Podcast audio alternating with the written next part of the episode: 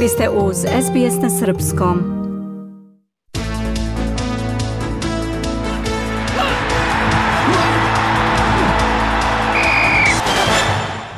Najbolji teniser sveta Novak Đoković plasirao se u polufinale Masters turnira u Madridu. Srpski teniser je bez većih poteškoća savladao Poljaka Huberta Hurkača sa 2-0 u setovima i zakazao duel sa mladim Špancem Carlosom Alcarazom. 19-godišnji Španac je u velikom derbiju četvrtfinala pobedio mnogo poznatijeg i iskusnijeg sunarodnika Rafaela Nadala sa 2-1 u setovima. Alcaraz je tako sprečio novi duel dvojice velikana svetskog tenisa Nadala i Đokovića i pokazao da će se u buduće i on pitati u borbi za najvrednije trofeje.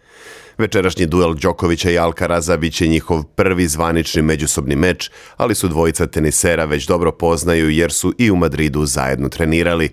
U drugom polufinalu Mastersa u glavnom gradu Španije sastaće se Grk Stefanos Cicipas i nemački teniser Aleksander Zverev.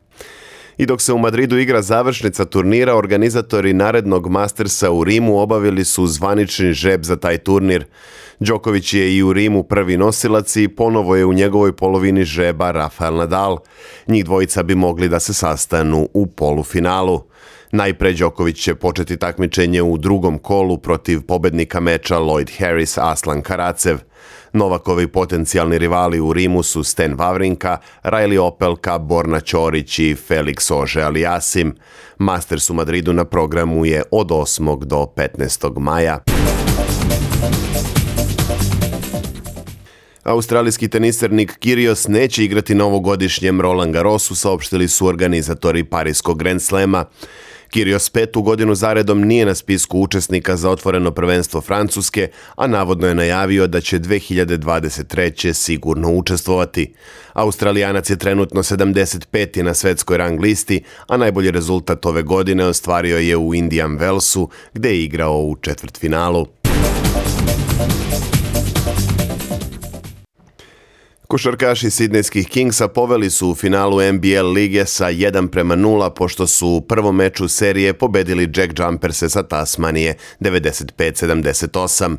Vrlo dobru partiju u pobedničkom timu pružio je Dejan Vasiljević koji je za 24 minuta na parketu postigao 14 poena i zabeležio 4 skoka. Drugi meč između Kingsa i Jack Jumpersa igra se sutra u pola tri popodne u Hobartu, a serija se posle toga vraća u Sidney u sredu 11. maja. Prvak države postaće tim koji prvi stigne do tri pobede u finalu. Futbaleri TSC iz Bačke Topole su pobedom protiv napretka 2 prema 0 otvorili peto kolo play-offa Srpske Superlige.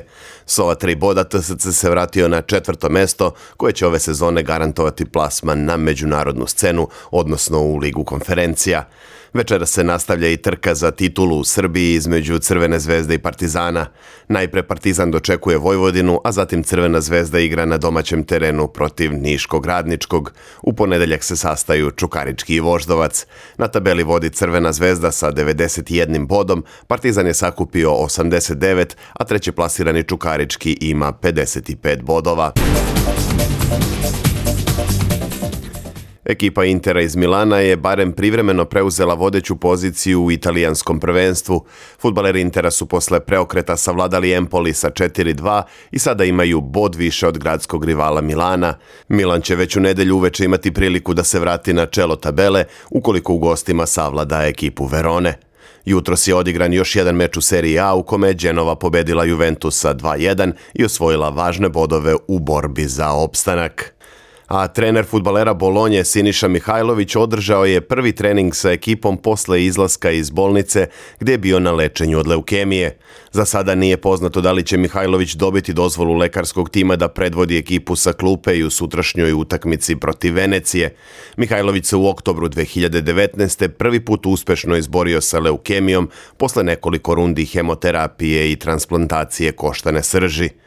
Nepune tri godine kasnije bolest se vratila i Mihajlović je morao ponovo da se podvrgne terapijama. Zanimljivo da je tokom boravka u bolnici bio u stalnom kontaktu sa saradnicima i da ekipa Bolonje za to vreme nije izgubila ni jedan meč. Proglašen je i za najboljeg trenera serije A u mesecu aprilu. SBS ogledalo aktualnih zbivanja u sportu.